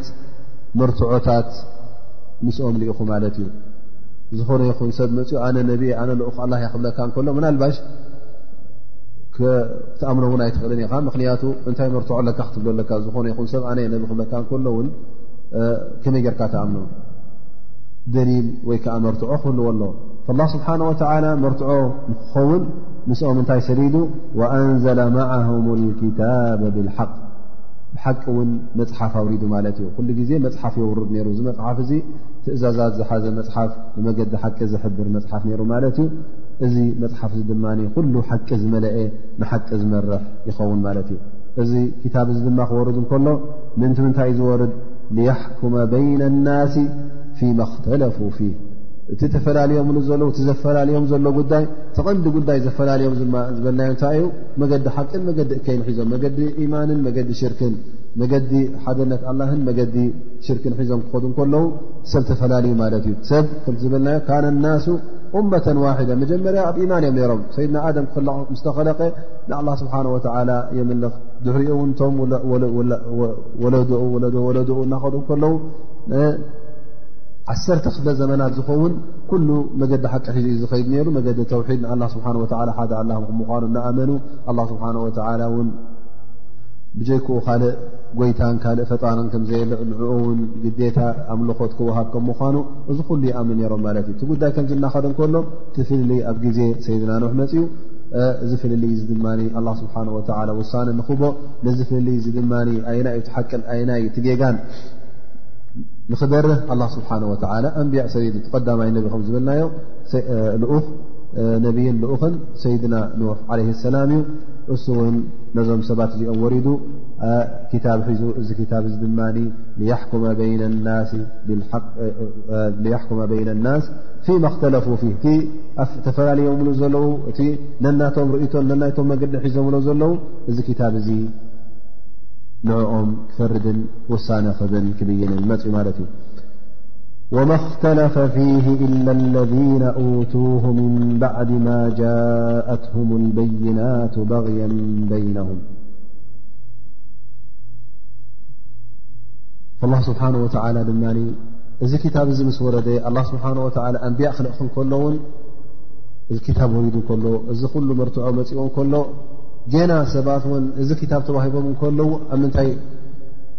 ሰጊሮም ማለት እዩ ኣብ ክንዲ ዝኣምኑን ኣብቲ መንገዲ ሓቂ ዝሕዙን እንደገና ኣብቲ ፍልልይን ኣብቲ ጥፍኣትን ይቕፅሉ ማለት እዩ ኣላ ስብሓን ወተላ ንበኒ እስራኤል ነቶም ኣይሁዳውያን ይኹኑ ነቶም ክርስትያን ክታብ እቲ ከም ዘወረደሎም ንኣምና እዚ ክታብ እ እውን ንሓቂ ይመርሕ ነይሩ መገዲ ሓቂ እውን ንኽንሕዝ ኩሉ ፍጡር ንኽሕዝ እውን ይእዝዝ ነይሩ እዚ ከሎ ግን እንተረኣናዮም እቶም በኒ እስራኤል ይኹን ኩሎም ን እስራኤል ተውራት ምስ ወረዶም ይኹን እንጂል ምስ ወረዶም እኹን ኣብ ክንዲ መገዲ ሓቂ ሒዞም ዝኸዱ እንደገና ክፈላለዩን እንደገና ውን ካብ መገዲ ሓቂ ክወፁን መገዲ ክሕደት ክመርፁን ተረኺቦም እዚ ድማ ቀንዲ ጠንቅናቱ ወይ ከዓ ቀንዲ ጠንቁ እንታይ እዩ ከምቲ ኣላ ስብሓን ወላ ዝበሎ ምን ባዕድ ማ ጃእትሁም ልበይናት እዚ ኩሉ መርትዖታት መስመፆም ስለምንታይ እዮም ተፈላለዮም በغየም በይናሁም እዚ ድማ ካብ በغ ካብ ظሉም ካብ ሓሰድ ኣብ መንጎኦም ሓሰድ ስለ ዝነበረ መገዲ ሓቂ ሓደ ክሕዝ እንከሎ ነዚ ሰብ ዚ መገዲ ሓቂ ንኸይሕዝ ነዚ ዲን እዚ ንኽበላሾ ኣብ ውሽጦም እከይ ሓሳብ እከይ ድልት ስለ ዝነበረ ነቲ ዲን እንታይ ኣእትዮምሉ ማለት እዩ ታሕሪፍ ዘይናቱ እናሃቡ ዘይናቱ እናእተዉ ክበላሽዎ ጀሚሮም እሞ ከዓ እቲ ዲን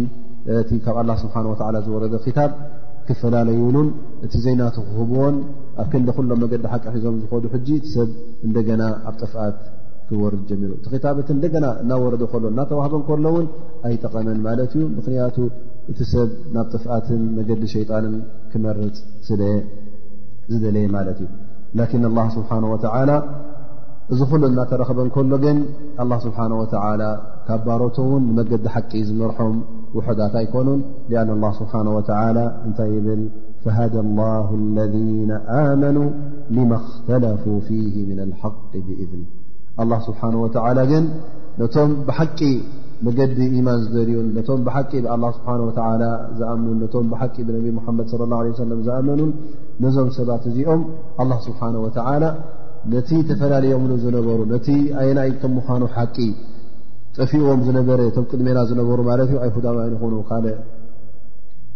ክታብ እቲ ዝወረዶም እቶም ብሕልፊ እቶም ቅድሚና ዝነበሩ ጠ ኣይሁዳውያንን ክርስትያን እዮም እሱ እውን ብዝያዳ ኣብ ኣላ ስብሓን ወተላ ክጠቅሱ ከሎ ነዞም ክልተ ሃይማኖት ኣይሁዳውያንን ክርስትያንን ብዝያዳ ይጠቕሰልና ማለት እዩ ምኽንያቱ እቲ ቐንዲ ሽግር ተረክበ እቲ ቐንዲ ጥፍኣት ተረክበ ክታብ ወሪዱ ከሎ ኣብ ግዜኦም ስለ ዝነበረ ላ ስብሓን ወተላ መለበብ ንኾኑና ከምቲ መጀመርያ ዝበልክዎ ኣብቲ ሶም ዝወደቕዎ ኣብቲ ሶም ተጋገይዎ ጌጋታት ንኸይንጋገ እሞ ከዓ ክታብ ወሪዱና ከሎ እዚ ካብ ኣላ ስብሓን ወተላ መምርሒ ተዋሂብና ከለና ኣብ ፍልልይን ኣብ ምበኣስን ኣይናይ መገዲ ሓቂን ኣይናይ መገዲ ጌጋን ኣብዚ ንኸይንጋገ ክንጥንቀቕ ማለት መገዲ ሓቂ ትኽ ኣቢልና ሒዝና ንክንከይድ ነዚ ክታብና ቀጥ ኣቢልና ሒዝና ክንከይድ ኣብ ክታብና ውን ኣብቲ ዲና ውን ሓድሽ ሕደሳን ዘይናቱ ከይኣትዎን ባዕልና ውን ንኸይነእትዎን ክንቃለስ ከም ዘለና ብዝያዳ ንክሕብር ኣላ ስብሓን ወተላ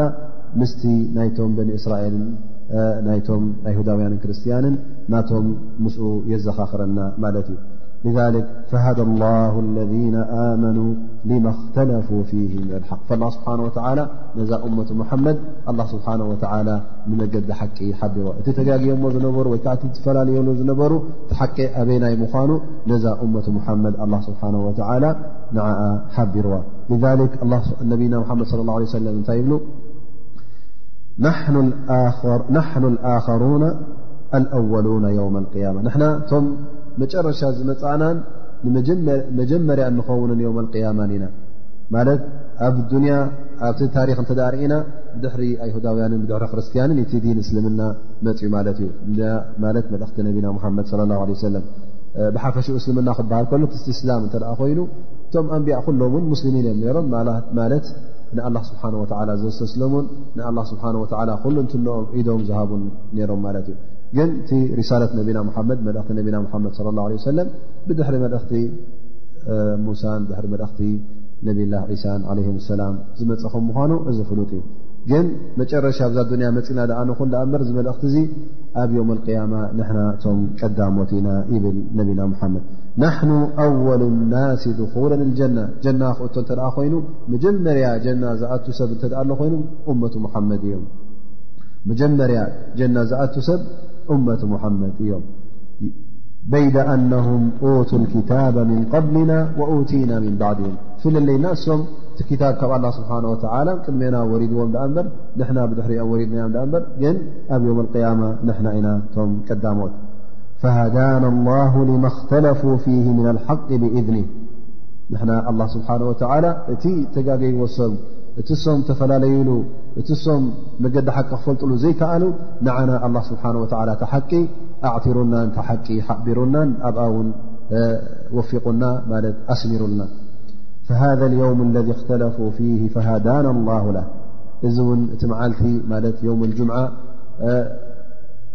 ክፈልጥዋ ኣይከኣሉን ኣይ ነይንታይ ኣታ ክብርቲ መዓልቲ ኣቲ ኣላ ስብሓን ወተላ ዘኽብራ መዓልቲ ስለዚ ኣይሁዳውያን ቀዳም እያ ኢሎም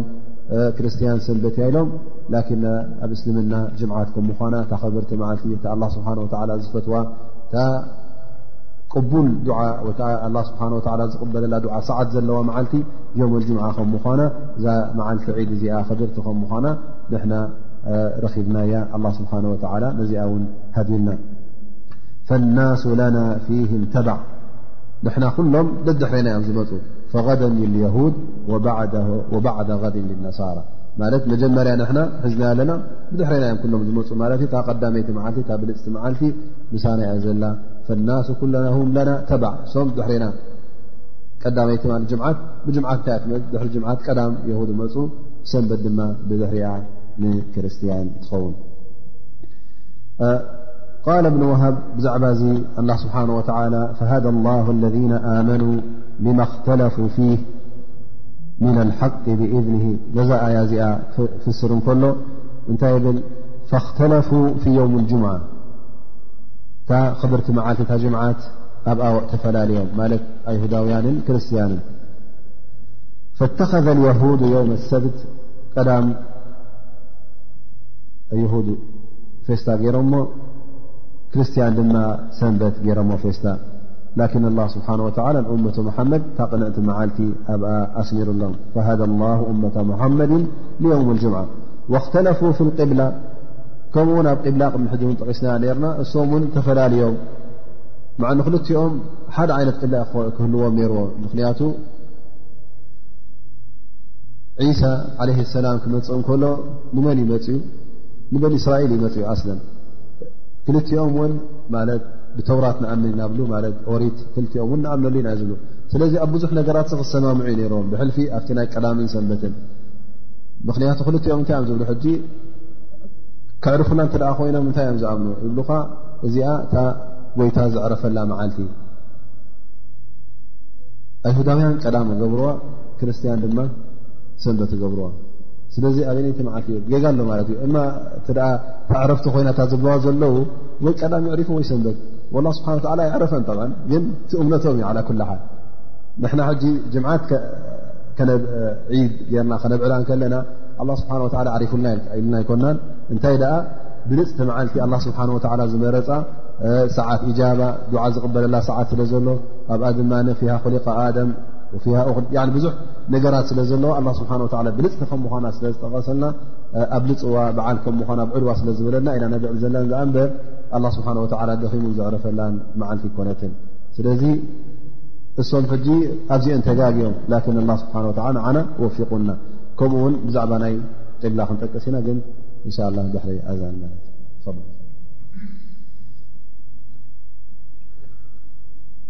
ኣላ ስብሓን ወላ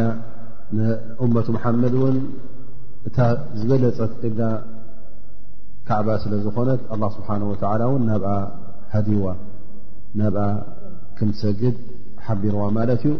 ኣይሁዳውያን ክሰግዱ ከለዉ ንቤት መቅድስ ይሰግዱ ክርስትያን ክሰግዱ ከለዉ ድማ ንምብራቕ ገፆም ገይሮም ይሰግዱ ላ ስብሓን ወተላ ግን ንእመቱ መሓመድ እታ ዝበለፀት ቅብላ እታ ቅብለት እብራሂም እታ ናይ መጀመርያ ኣላ ስብሓን ወተላ ያ ተመስረተት ቤት ናብኣ ተወጅህና ናብኣ ገፅና ገርና ንክንሰግድ ወፊቑና ከምኡ ውን ክንርኢ እንተ ኮይና ክሰግዱ ከለዉ ገሊኦም ክሰግዱ ከለዉ ርኩዕ ይገብሩ ግን ስጁድ ኣይገብሩን ገሊኦም ድማ ስጁድ ገይሮም ርኩዕ ኣይገብሩን ገሊኦም ክሰግዱ ከለዉ ድማ ይዛረቡ ገሊኦም ድማ ካልእ ዓይነት ገይሮም እናኸዱ ከለዉ ይሰግዱ ገሊኦም ደው ኢሎም ከለዉ ነናቶም ኣገባብ ገይሮም ይሰግዱ ማለት እ ፍልልይ ኣብ መንጎ ኣይሁዳውያንን ኣብ መንጎ ክርስትያን ንገዛእ ርእሶም ኣብ መንጎ ኣይሁዳውያን ብዙሕ ዓይነት ፍልልያ ኣሎ ኣብ መንጎ ክርስትያን እውን ብዙሕ ፍልልያ ትረከብ ግን እመት ሙሓመድ ኣላ ስብሓን ወላ ክታ ቅንዕትን ዝበለፀትን ኣሰጋግዳን ኣብኣ ኣስሚሩሎም ከምኡ እውን ስያም ክንርኢ እንተ ኮይና ይብል ኣብ ስያም እውን እቲ ናቶም ስያም ክንርኢ ከለና ገሊኦም ፍርቂ መዓት ክፀሙ ገሊኦም ድማ ክፀሙ እተ ኮይኖም ካብ ገለገለ ዓይነት ምግብታት ፀሞም ክበልዑ ይውዕሉ እዚ ዓይነት እዚ ፍልልያ ኣለዎም እመቱ መሓመድ ግን እታ ብልፅትን እታ ዝሓሸትን እታ ኣላ ስብሓን ወላ ዝረደያን ዝፈትዋን ኣፀዋውማ ንፀውም ማለት እዩ ላ ስብሓን ወላ ነዛ እማ እዚኣ ቅንዕቲ እማ ገይርዋ እቲ ዝበለፀ ዲንን ዝበለፀ ኢማንን ዝበለፀ ኣገባብ ሸሪዓን ሂብዋ እቲ ኩሎም ቅድሚኦም ዝነበረ እቶም ኩሎም ቅድሚኦም ዝነበሩ ተጋገይዎ ኣላ ስብሓን ወላ ነዛ እማ እዚኣ እታ ብልፅትን ብዝያዳ ፍትውትን ገይርዋ ማለት እዩ ላ ስብሓን ወተላ ከምዚ ብዛ ኣያ እዚኣ ዝብሎ ዘሎ ፈሃደ ላሁ ለذነ ኣመኑ ልማ እኽተለፉ ፊህ ምና ልሓቂ ብእዝኒ እዚ ጉዳይ እዚ ድማ ብፍቓድ ኣላ ዝተመመ ዩ ኣላ ስብሓን ወተላ ብናቱ ፍልጠትን ብናቱ መሪሕነትን ብናቱ መሪሕን ኢና ሒዝናዮ ዳኣ እበር ብፍልጠትና ኣይኮነን እሞቲ መሓመድ ቂብላ ክትመረፅ እተ ኮይና ባዕላ ብደልታ ዝመረፀቶ ኣይኮነትን ትፆም ክትፀውም እተ ኮይና ባዕላ ዝመረፀቶ ኣይኮነትን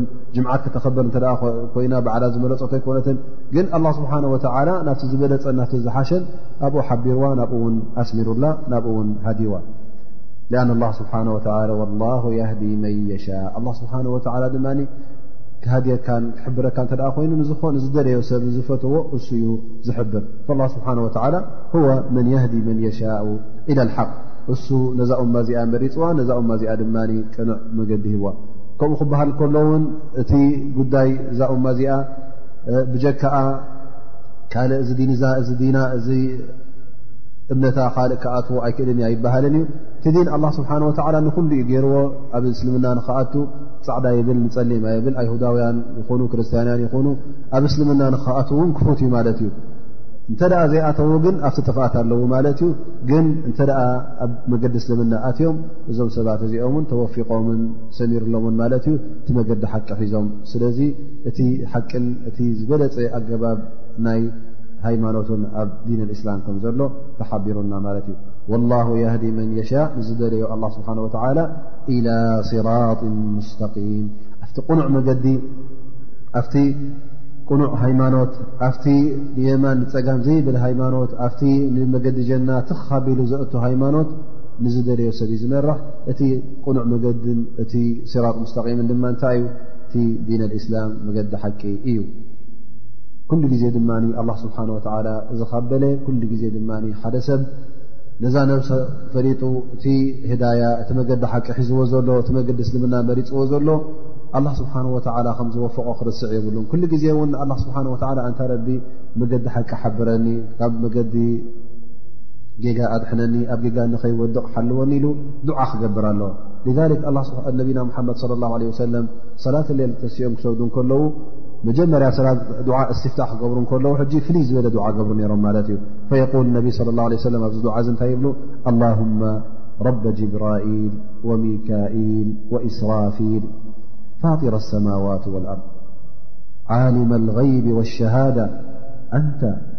تحكم بين عبادك فيما كانوا فيه يختلفون اهدني لما اختلف فيه من الحق بإذنك إنك تهدي من تشاء إلى صراط مستقيم نبينا محمد ندعا أنت تحكم بين عبادك اللهم رب جبريلأنت ربي يت ي جبريل بهل كل ترኛ جبرኤ بل لت وميكائل وإسرافيل فاطر السماوات والأرض أنت فطر ثمي مدر عالم الغيب والشهاد ستر رؤي لهن تفلጥ أنت تحكم بين عبادك فيما كانوا فيه يختلفون ኣብ መንጎባሮትካ እቲ ተፈላልዮምሉ ዘለዉ ኣይናይክም ምዃኑ እቲ ሓቂ እትፈርድ እህዲኒ ልማ ክቱሊፈ ፊ ምና ልሓቅ ኣንታ ረቢ ነቲ ሰብ ዝጋገዩ ዘሎን ዝጠፍኣሉ ዘሎን እቲ ሓቂ ኣበይ ክም ምዃኑ ጌና ሰብ ዘይፈለጦ ዘሎ ንዓይ ናብኡ ምርሓኒ ናብኡ ህደየኒ ናብኡ ኣስምረለይ እህዲኒ ልማ ክቱሊፈ ፊ ምና ልሓቅ ብእዝኒ ብፍቓድካ ባዕልኻ ኣንታ ረቢ ኢሎም ነቢና ሙሓመድ ስ ላ ሰለም እዚ ዓይነት ዱዓ ገብሩ ነሮም ፈነቢ ስ ሰለም ልኡኽ ጎይታ እንከለዉ ኣላ ስብሓን ወላ ዝለኣኸም እንከሎ መገዲ ሓቂ እናብርሃሎም እንከሎ ወሓይ ካብ ሰማይ እናወረዶም እከሎ እዚ ዓይነት እዚ ዱዓ ገብሩ ነሮም መገዲ ሓቂ ሒዞም ንኸዱ ኩሉ ግዜ ኣላ ስብሓን ወላ ኩሉ ግዜ እቲ ዝገብርዎ ተግባራት ኩሉ ግዜ እቲ ዝብልዎ ቃላት ኩሉ ግዜ መገዲ ሓቂ ዝሓዘ ፍቲ ሓቂ ክሕዙ ዱዓ ገብሩ ነሮም ማለት እዩ ንሕና ብዝያዳ እዚ ዱዓ እዚ ክነዘውትር ይግባእ ኢነከ ተህዲ መን ተሻ ኢላ ስራጢ ሙስተቂም ሳኻ ኣንታ ጎይታ ብርግፅ ንዝደለኻዮ ሰብ ዝደለኻዮ ፍጡር ንመገዲ ሓቂን መገዲ ቐንዕናን እትሕብሮ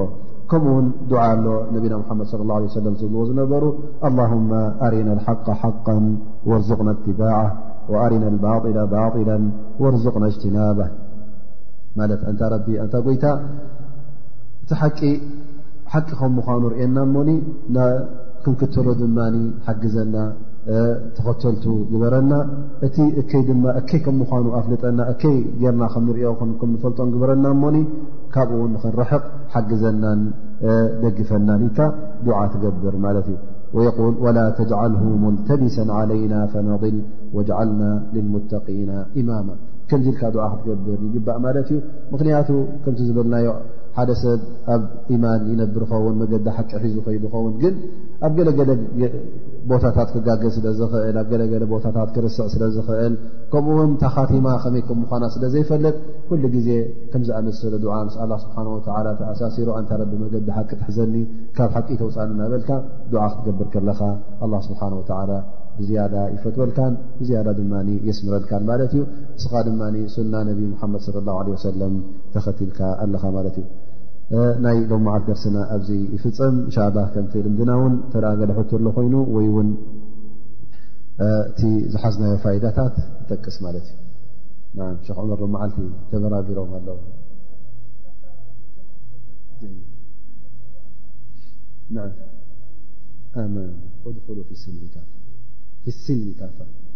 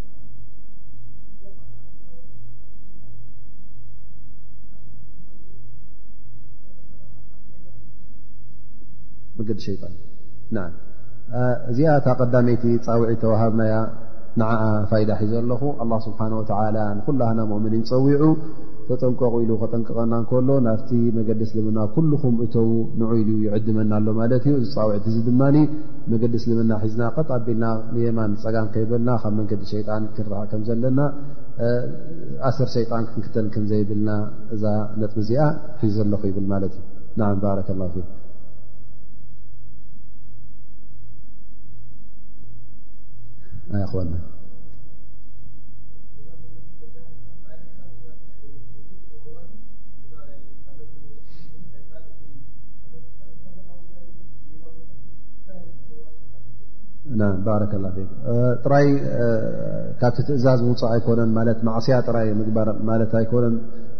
ግን ኣብ ርእሲኡ እውን እቲ ነቢና ሓመድ صለ ه ሰለ ዝገደፉልና ንሱ ዝሓንፀፁልና ቀጥ ኣቢልና ክንሕዝ ከለና ባዓልና ውን ሓድሽ ነገር ሕደሳ ክነእቱ ከም ዘይብልና ቢድዓ ዝበሃል ኣብ ዲን ክነእቱ ከም ዘይብልና ውን ተጠንቀቐና ማለት እዩ ምክንያቱ እዚ ካብቲ ክጡዋት ሸጣን ወይ ከዓ ካብቲ ኣስር ሸጣን ምክታል ስለ ዝኾነ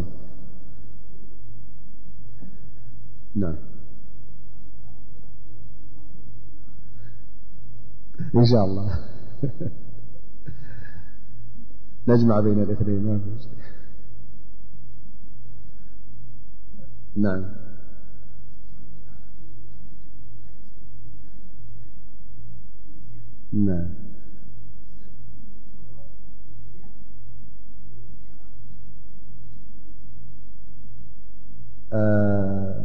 في قوله تعالى وإلى الله ترجع الأمر الله سبحانه ولى وإلى الله رجع الأمر لذلك الله سبحانه وتعلى كل ن لن بب لا يضع عنه شيء ولا يفوته شيء فالله سبحانه وتعالى زب نر ين بح نه كل أكبن ل ن يوم القيامة سنجد ما عملنا وسنجده مكتوبا عند الله سبحانه وتعلى وسنحاسب به ع فضل ر املس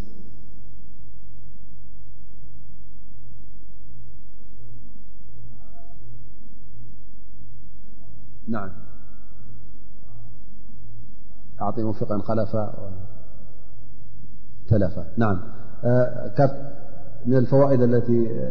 درسناه هذا اليوم أن الله سبحانه وتعالى يرسل في كل صبيحة يوم ملكين فيقول أحدهما أعط ሙንፊቃ ከለፋ የቁል ኣኸር ላሁመ ኣዕጢ ሙምሲከን ተለፋ እዚኣ ዱዓ ስለ ዝገብሩ እቲ ኢንፋቅ እቲ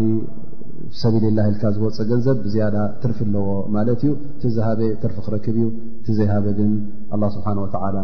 ድኽነትን ጥፍኣትን ወይ ከዓ ብርሰትን ክቦ ማለት እዩ ን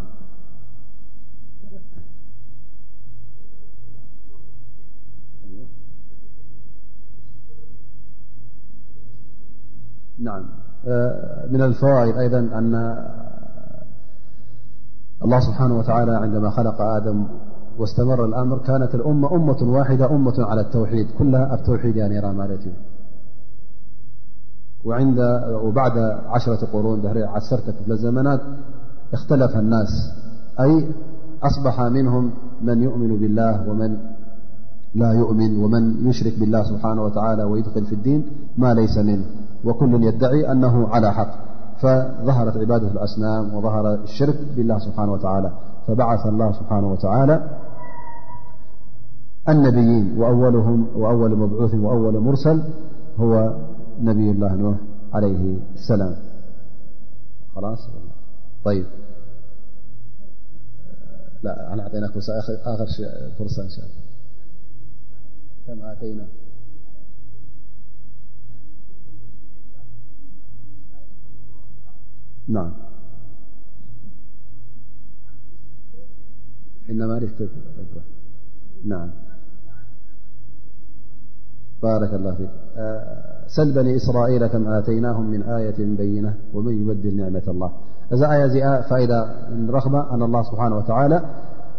ዩዘክሩና ብበኒ እስራኤል ልልዕብራ ወለይሰ ልተስልያ ማለት ኣላ ስብሓን ወላ በኒ እስራኤል ክጠቕሰልና ከሎ እዚ ጉዳይ እዚ መለበሚ ፅባሕ ንግሆ ኣብቲ ዝሰምተ ዝወድቆ ጌጋ ንከይንወድቕ ማለት እዩ ዳኣ እምበር መዘናግዕ ኣይኮነን ከምዚ ልበ ወለድ ተንብቦ ከምኡ ክተንብቦ ኣይኮነን እንታይ ደኣ ከም ዕብራ ወይ ከዓ መለበሚ ክኾነካ ማለት እዩ ካልኣይ ድማ ወመን ይበድል ኒዕመት ላ ምስ ስብሓን ወላ